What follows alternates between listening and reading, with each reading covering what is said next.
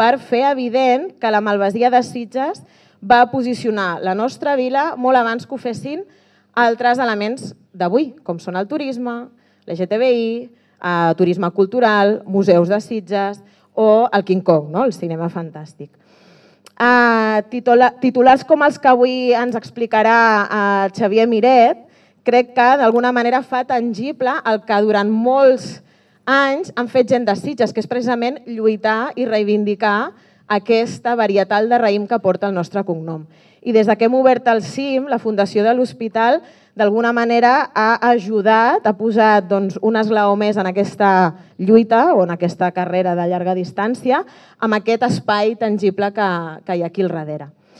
Um, quantes hectàrees creuen que hi ha actualment de Malvasia, de Sitges?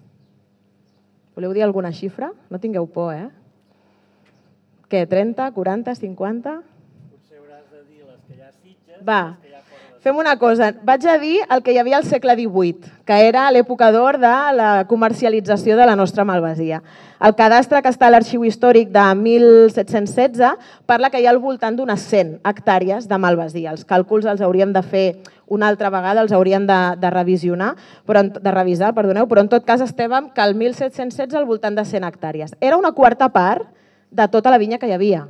Hi havia altres varietats, moscatell, garnatxes, macabeus, hi havia altres varietats de raïm, però la nostra era una quarta part. Després, a finals del 18, al cadastre del 72, ja només en tenim 60. Per tant, en detriment. En un segle passem de les quasi 100 a una miqueta més de mitja centena d'hectàrees. La malvasia de Sitges només estava aquí. La, ara mateix, ara, ara en parlarem, eh? ara mateix està ext- extesa per tot el territori, però al segle XVIII les tècniques fisiosanitàries i altres coneixements de la viticultura feia que només la malvasia de Sitges es sentís còmoda aquí Sitges, amb el nostre microclima. Vale? I per això després entendrem el per què tenim malvasia a Sitges. Segle XVIII, aquestes xifres. 1980. Quantes hectàrees de malvasia de Sitges en quedaven? Tres. Que tinguem controlades. Tres. Les hectàrees sobrevisquents del llegat Llopis i del celler de l'hospital. La, sobretot la vinya d'aigua dolç, aquest punt telúric, aquest bressol de, de la malvasia de Sitges. Um, I fa 10 anys, el 2010, 10 hectàrees. I ara, que era la primera pregunta inicial, quasi una altra vegada aquestes 100 hectàrees de, uh, a l'època d'or. Per tant, fixeu-vos aquests pèndols en quant a hectàrees i que només en 10 anys hem passat de les 10 hectàrees que teníem només amb Celler de l'Hospital, Vega de Ribes, Torre del Beguer, Camp Feixes i Gené Ventura a les quasi 100 hectàrees de més de 30 cellers que actualment hi ha per tot el Penedès i en altres punts del territori. Um, només la DEO Penedès i la DEO Catalunya accepta la malvasia com una varietal dins el seu panel. Encara ens queda feina. Tot i que, tot i que, i aquí trencaré una llança, el per què només de moment són acceptades aquestes DO també té un sentit doncs, de viticultura, de clima, de terrer. Val? No, no és el mateix la malvasia que pugui créixer aquí que la que pugui créixer doncs, a Terra Alta o a Pontons o, o quasi a Portbou. Val? Però segueix sent malvasia de, de Sitges. Uh, la quasi desaparició de la nostra malvasia va ser batallada, va ser lluitada, va ser contrarrestada per la feina de persones en concret, les hem nombrat moltes vegades, Antoni Almirall, el nostre enginyer agrònom d'aquí del celler de l'Hospital, l'Enric Bartra de Vega de Ribes, que va recuperar o va tornar a fer aquesta segona expansió de la malvasia detectant aquesta potencialitat organolèptica no? I, i, de, i de viticultura en el fons. Um, Valentí Mongai, uh, Slow Food i, i com uh, la malvasia entra a la gastronomia d'alta gastronomia, diguéssim, no? I finalment, i, i a vegades sempre ens oblidem de nombrar-les, però perquè ja porta d'allà, als anys 90, quan només nosaltres teníem malvasia aquí dins, qui eren les que obrien la porta i servien la malvasia d'oll? Les monges concepcionistes d'aquí del nostre hospital. Per tant, vale, anònimes, bueno, de fet tenim, eh, les coneixem, de fet només en queden dues, van estar fins l'any 2000 ajudant primer els malalts i després els avis, però elles també formen part d'aquest ventall de persones que d'alguna manera van fer que en uns moments molt complicats de la malvasia doncs, persistís, es conservés i avui estem aquí tots plegats. Um, Seré breu, eh, us ho prometo. Només tinc una pagineta més. Uh, val, per tant, quan diem que la malvasia de Sitges té el nostre cognom, hi ha unes raons històriques per explicar aquest cognom. No és casualitat. Hi ha una suma de factors. Uh, Carlos Ballesteros, que és un Master of Wine, que té un llibre molt interessant que es diu Entender el vino, en el fons fa un, un seguit de reflexions al, al voltant del per què los vinos finos, per què els vins de Borgonya, per què els vins de Jerez, per què la xampany, el xampany. No? O sigui, en el món del vi, en la història del vi, hi ha uh, un, una, una tríada, o, ell, ell parla de dos, de dos factors que sumats donen aquests vins emblemàtics. El primer factor, el terrer, el clima. És evident, és un producte que surt de la terra, aquí tenim una malvasia plantada que per cert no té peu americà, o sigui, és, podríem dir que, és, no? que la filoxera en aquestes dues vergues encara no han no ha afectat. Um, uh, el terrer és evident, el clima, el sol, val? el procés vegetatiu de cada varietal i com aquestes varietats de raïms s'adapten. I després, com, es, com aquests raïms, l'home i la dona ha sapigut capaç de fer els vins més emblemàtics de cada zona. Això per una banda. L'altre, processos socioeconòmics. Ostres, és evident, no hi ha vi si el dinamisme econòmic d'aquella zona no ho propicia. No, el, el vi és una de les begudes alcohòliques eh, més mil·lenàries de la nostra civilització, de la, sobretot de lo que és la conca del Mediterrani, mm, i sobretot va existir perquè hi havia la capacitat d'exportació, no només pel consum local, sinó no hagués arribat a tenir aquests vinos finos, aquests noms tan emblemàtics. No? Sense exportació i sense un, una socioeconomia dinàmica, això no existeix. I nosaltres teníem un dels ports medievals més dinàmics després de Tarragona i Barcelona, segle XIV, XV, just en aquell moment quan venecians o catalans, eh, Xavier, o catalans, eh, van portar la malvasia de Grècia, d'Itàlia i van arribar fins aquí. Sense aquests dos factors, el microclima de Sitges no només és un claim turístic, no només és un reclam ara, avui dia, que tenim un microclima fantàstic, sinó que fa 600 anys enrere va ser el, el, el punt idoni perquè aquesta varietat de raïm s'aclimatés. No? La pròpia paraula ja, ja ho diu. I després un tercer factor que, que això és, és en el cas d'aquests vins. Eh, els vins dolços han, han estat presents des de l'època clàssica en escenaris ritualístics de cohesió social, però després, en èpoques més, en cronologies més recents, a època medieval i moderna, eren els vins més propicis a ser exportats. Per què? Un vi dolç és aquell que s'ha sobremadurat a peu de vinya i en alguns casos no, aquesta sobremaduració dona molta graduació alcohòlica i en alguns casos fins i tot es fortifica. Ostres, la, aquestes connotacions de vi són els que millor es conserven en les, en, les, en les fregates, en els bergantins, en els llaguts. Sense aquesta capacitat de conservació en una bota no haguéssim arribat a, a tenir aquesta internacionalització de la malvasia i a ser un dels vins emblemàtics de Catalunya o dels països catalans.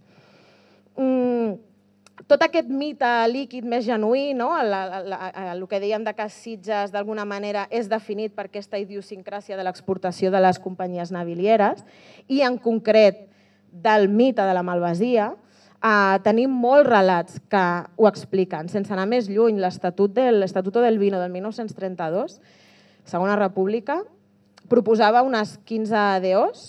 Ostres, de les sis que hi havia en catalanes, una era Malvasia, Sitges. 1932.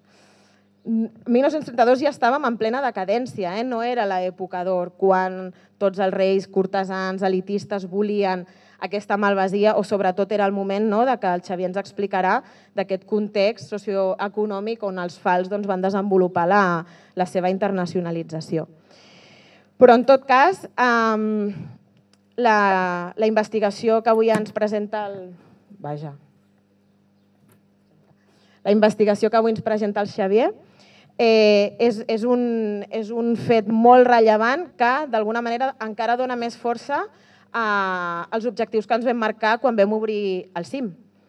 Per qui no ho sap, la Fundació de l'Hospital amb l'Ajuntament de Sitges i suport de la Diputació de Barcelona vam obrir aquest espai museístic després de 15 anys d'estar al darrere. Fa res, ara farà 3 anys, 2019 Quins objectius ens vam marcar? Difondre el coneixement més ampli d'aquesta varietal de raïm. socioeconòmicament, històricament, els mercats, el vi, el procés vegetatiu i tot aquesta, aquest soroll que estem fent, sobretot va encarat a legitimitzar el celler de l'hospital com el bressol de les malvasies, perquè és que ho som. No fa falta inventar-nos res. Val? Això era un dels primers objectius. Després també l'altre objectiu que ens vam marcar és precisament descentralitzar els actes culturals al centre del poble. I creiem que d'alguna manera aquí encara ens queda molt camp a recórrer, però bueno, anem, anem picant pedra. No? I, I finalment, doncs, um, el que estem fent avui aquí, reivindicar la història, la trajectòria, seguir estudiant la malvasia de Sitges perquè també té, és, és un espai que historiogràficament està encara molt verge, no? Xavier, estaràs d'acord amb mi? Hi ha camp per recórrer, ens falta vida per estudiar-la.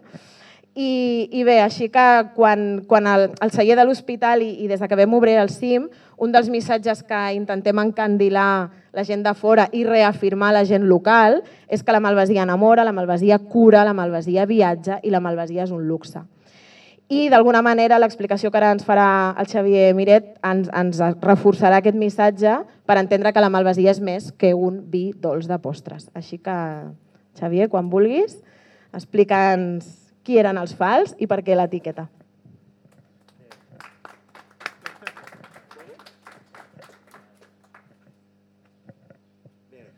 Bon dia a tothom.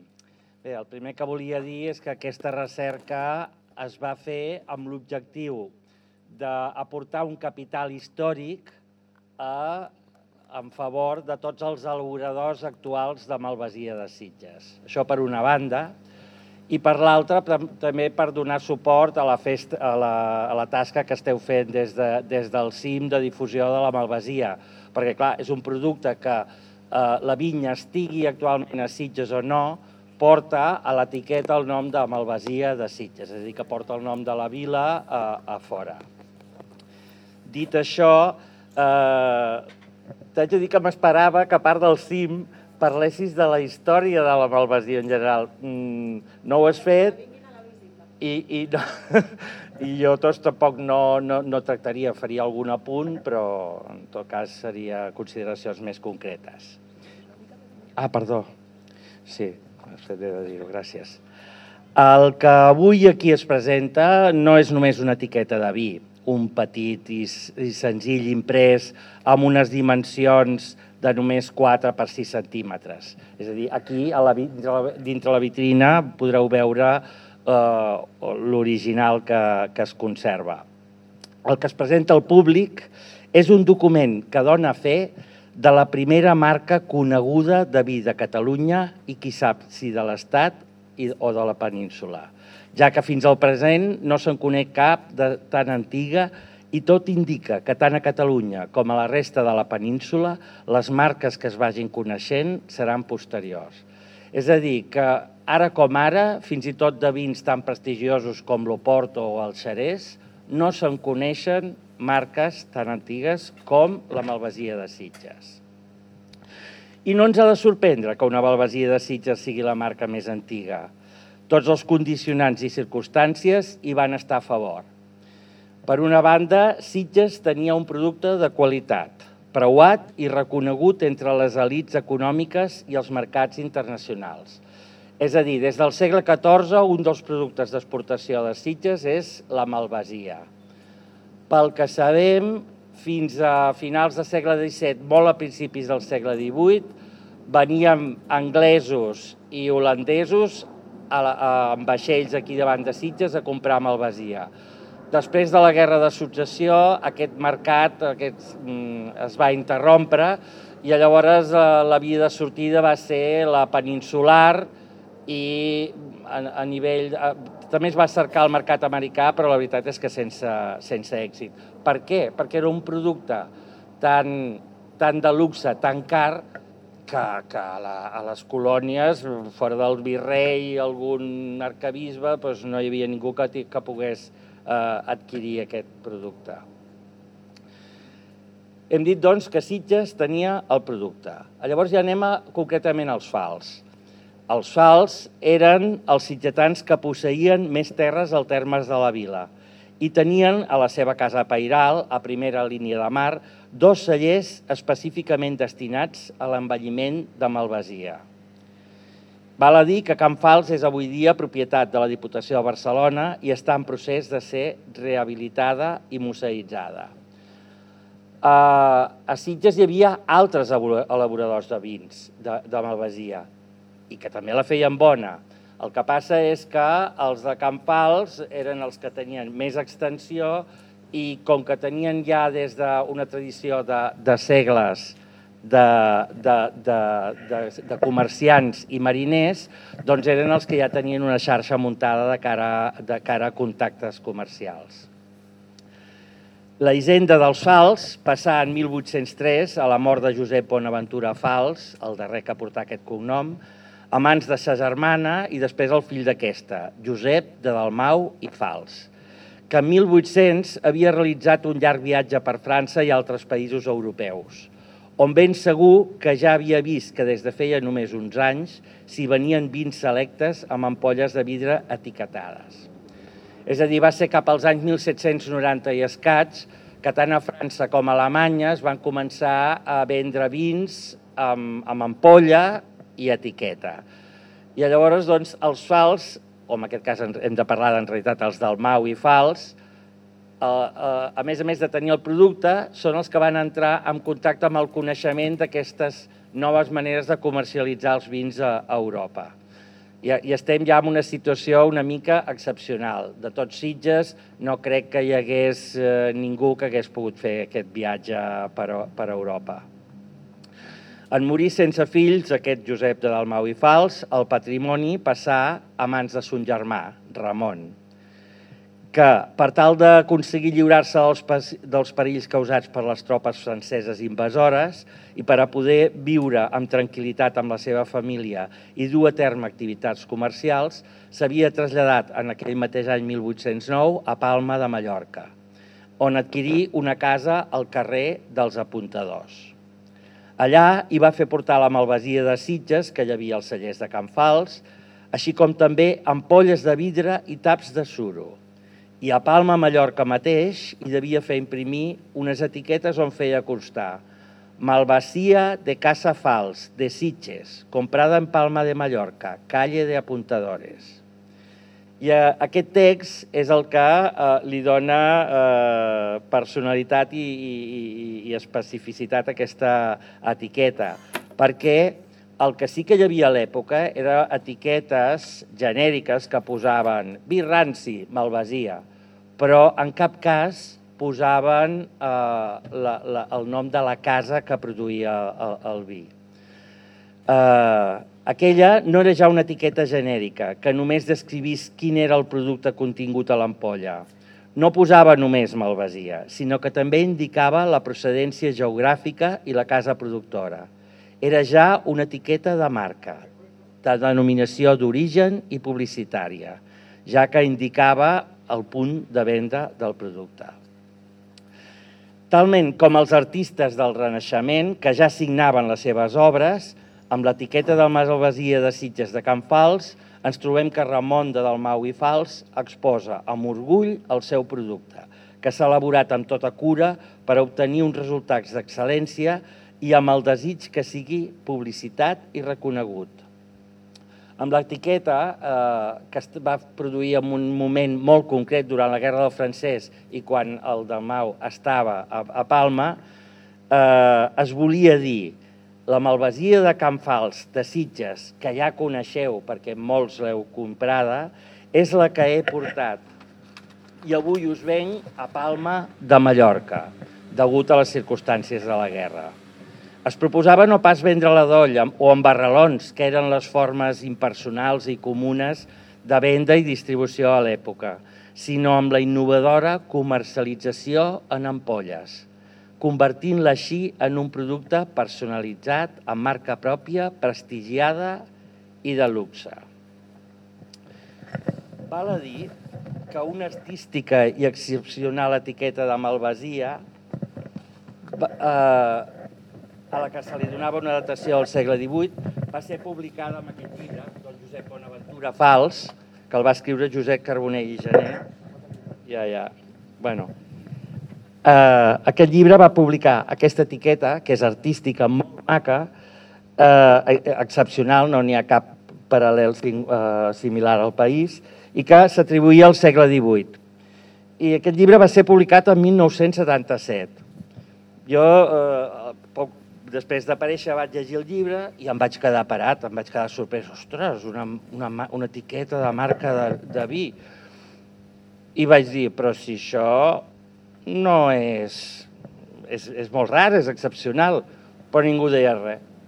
I jo dic, bueno, doncs no, no, no diguem res. Però clar, després amb els anys vaig venir a treballar aquí a Sitges, estava a l'arxiu i dic, home, mm, aquest tema s'ha d'abordar i veure què, què hi ha de, de cert amb tot això. O, o, perquè la veritat és que eh, quan deies que, que, que una malvasia de Sitges era la marca més antiga, la gent no s'ho creia. Deien, vols dir, vols dir, hi ha vins més coneguts, i fins i tot a Catalunya hi ha els vins de l'Ella, en fi, altres que podien tenir també un cert nom.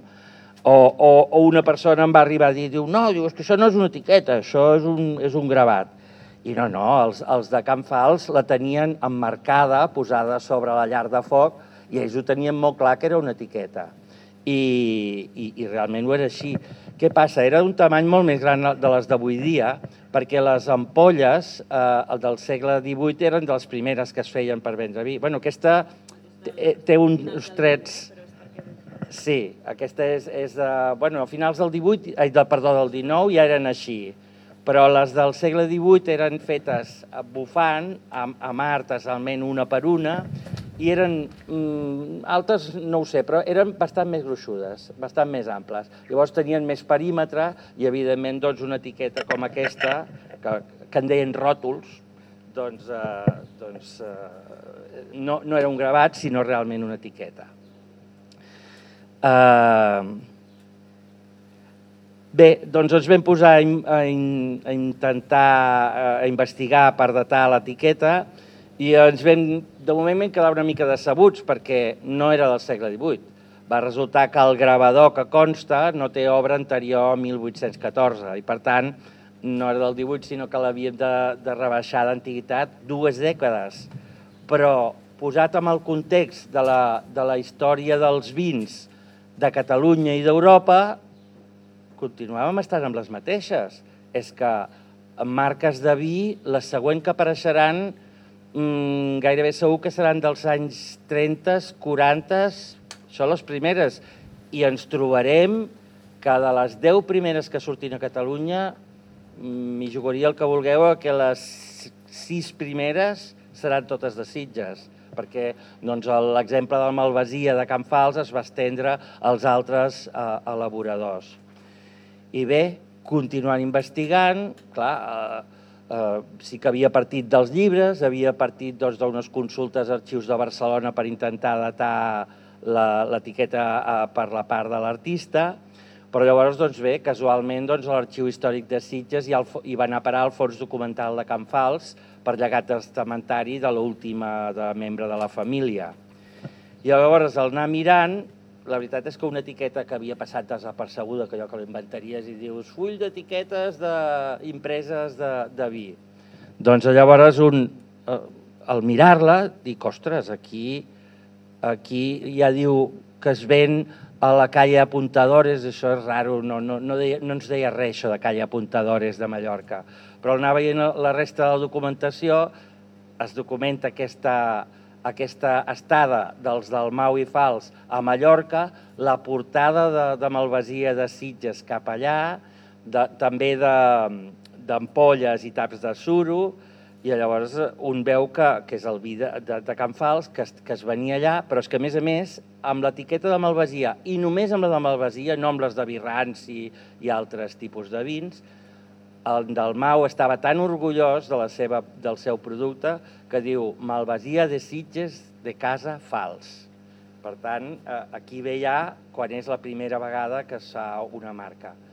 Uh, I això l'etiqueta la va fer doncs, perquè bueno, m'imagino que devien estar en una situació de precarietat i, i van haver d'espavilar-se de, de, de, per aconseguir diners, llavors fins i tot posar el, el lloc on es venia el, el vi però eh, eh, quan, va tornar, quan van tornar aquí a Catalunya a partir de 1814 ja havien iniciat aquest camí d'intentar vendre'l eh, arcabisbes, als càrrecs de l'administració, jutges, eh, grans comerciants, i llavors es va proposar ja fer-ho fer d'una forma eh, ben programada, amb uns objectius clars, i va començar per fer ja una etiqueta no senzilla com la que veieu, que és, aquesta de, que és de 1811, que és la més antiga, sinó una altra que seria de 1819, que és la del gravat que us he ensenyat, però que ja mostra doncs, la, la, la seva intenció. No? Bé, no sé, ara tenia alguna altra cosa més, però... Bé, sí que calia dir doncs, que a banda de, dels fons de, de Can Fals doncs, eh, hem, hem consultat la premsa periòdica de Mallorca de l'època per veure els vaixells amb què, va, amb què va ser portat tant la malvasia com les ampolles i, i els taps. I fins i tot eh, vam consultar amb un especialista en goig de, perquè eh, vam voler veure la, la sanefa que envolta l'etiqueta, vam pensar, aviam si la trobem a Mallorca. I, a, I aquest investigador va buscar els gotjos que coneixia de Mallorca de l'època i sí, sí, tres impremtes de Mallorca tenen exactament aquesta sanefa. Amb la qual podem dir que eh, és l'etiqueta de Balbasí de Cites més antiga, però impresa a Mallorca i pensada per, per, posar, per ser posada allà. Mm, bé, en tot cas, eh, sí que caldria dir doncs, que eh, aquestes etiquetes van ser les primeres del país en, en mostrar el camí de creació d'una marca amb un producte de vitivinicultura específicament detallat, d'elaborador amb nom propi i de zona d'origen determinada. I, per tant, una malvasia de Sitges és la que va iniciar la comercialització del vi com l'entenem avui dia, amb ampolla, de vidre i etiqueta. Bé, gràcies per la vostra atenció i, i si voleu fer alguna pregunta o cal que faci algun aclariment, doncs cap problema. Molt de gust.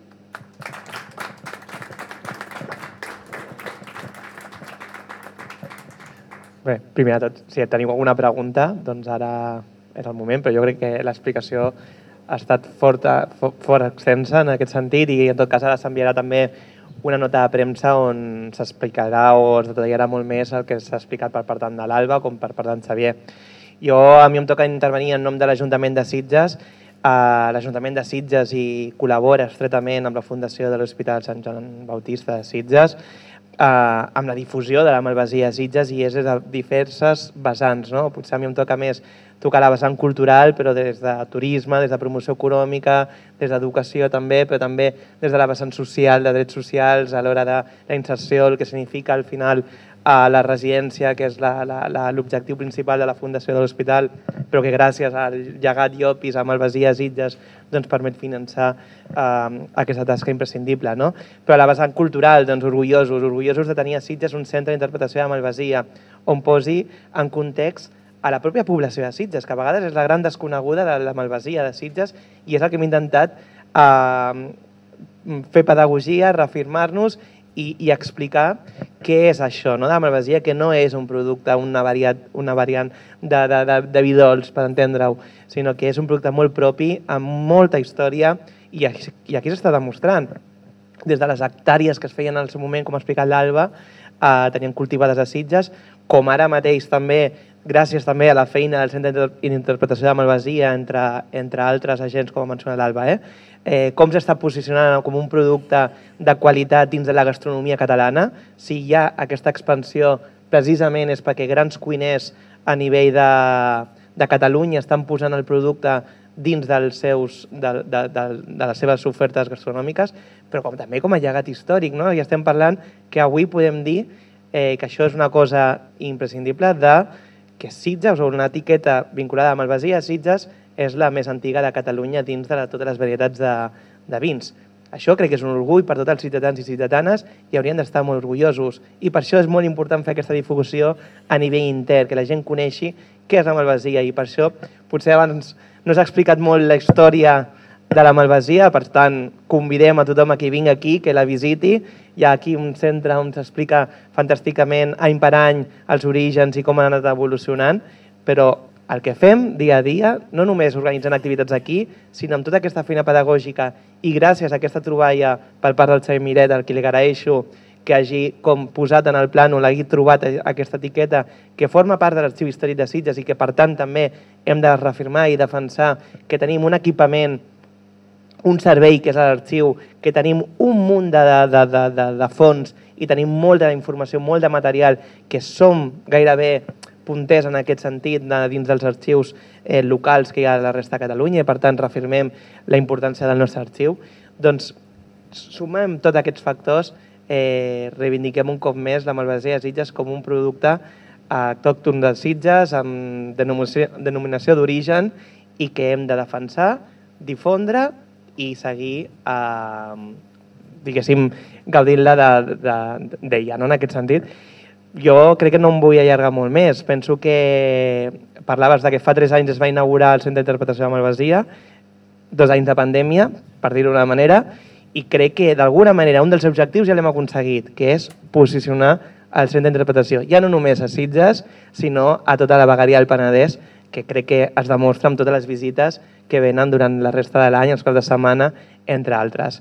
I amb la troballa aquesta, doncs, posicionar-nos dins del món de la, del vi, dins del món del vi, en el que tenim una varietat molt important, que per cert, vull recordar que la Segona República molt bé ja ens identificaven en, el, en la Malvasia de Sitges i per tant està bé que tornem a recuperar-ho, que pensem que a nivell històric sempre hem estat allà i hem de seguir estant.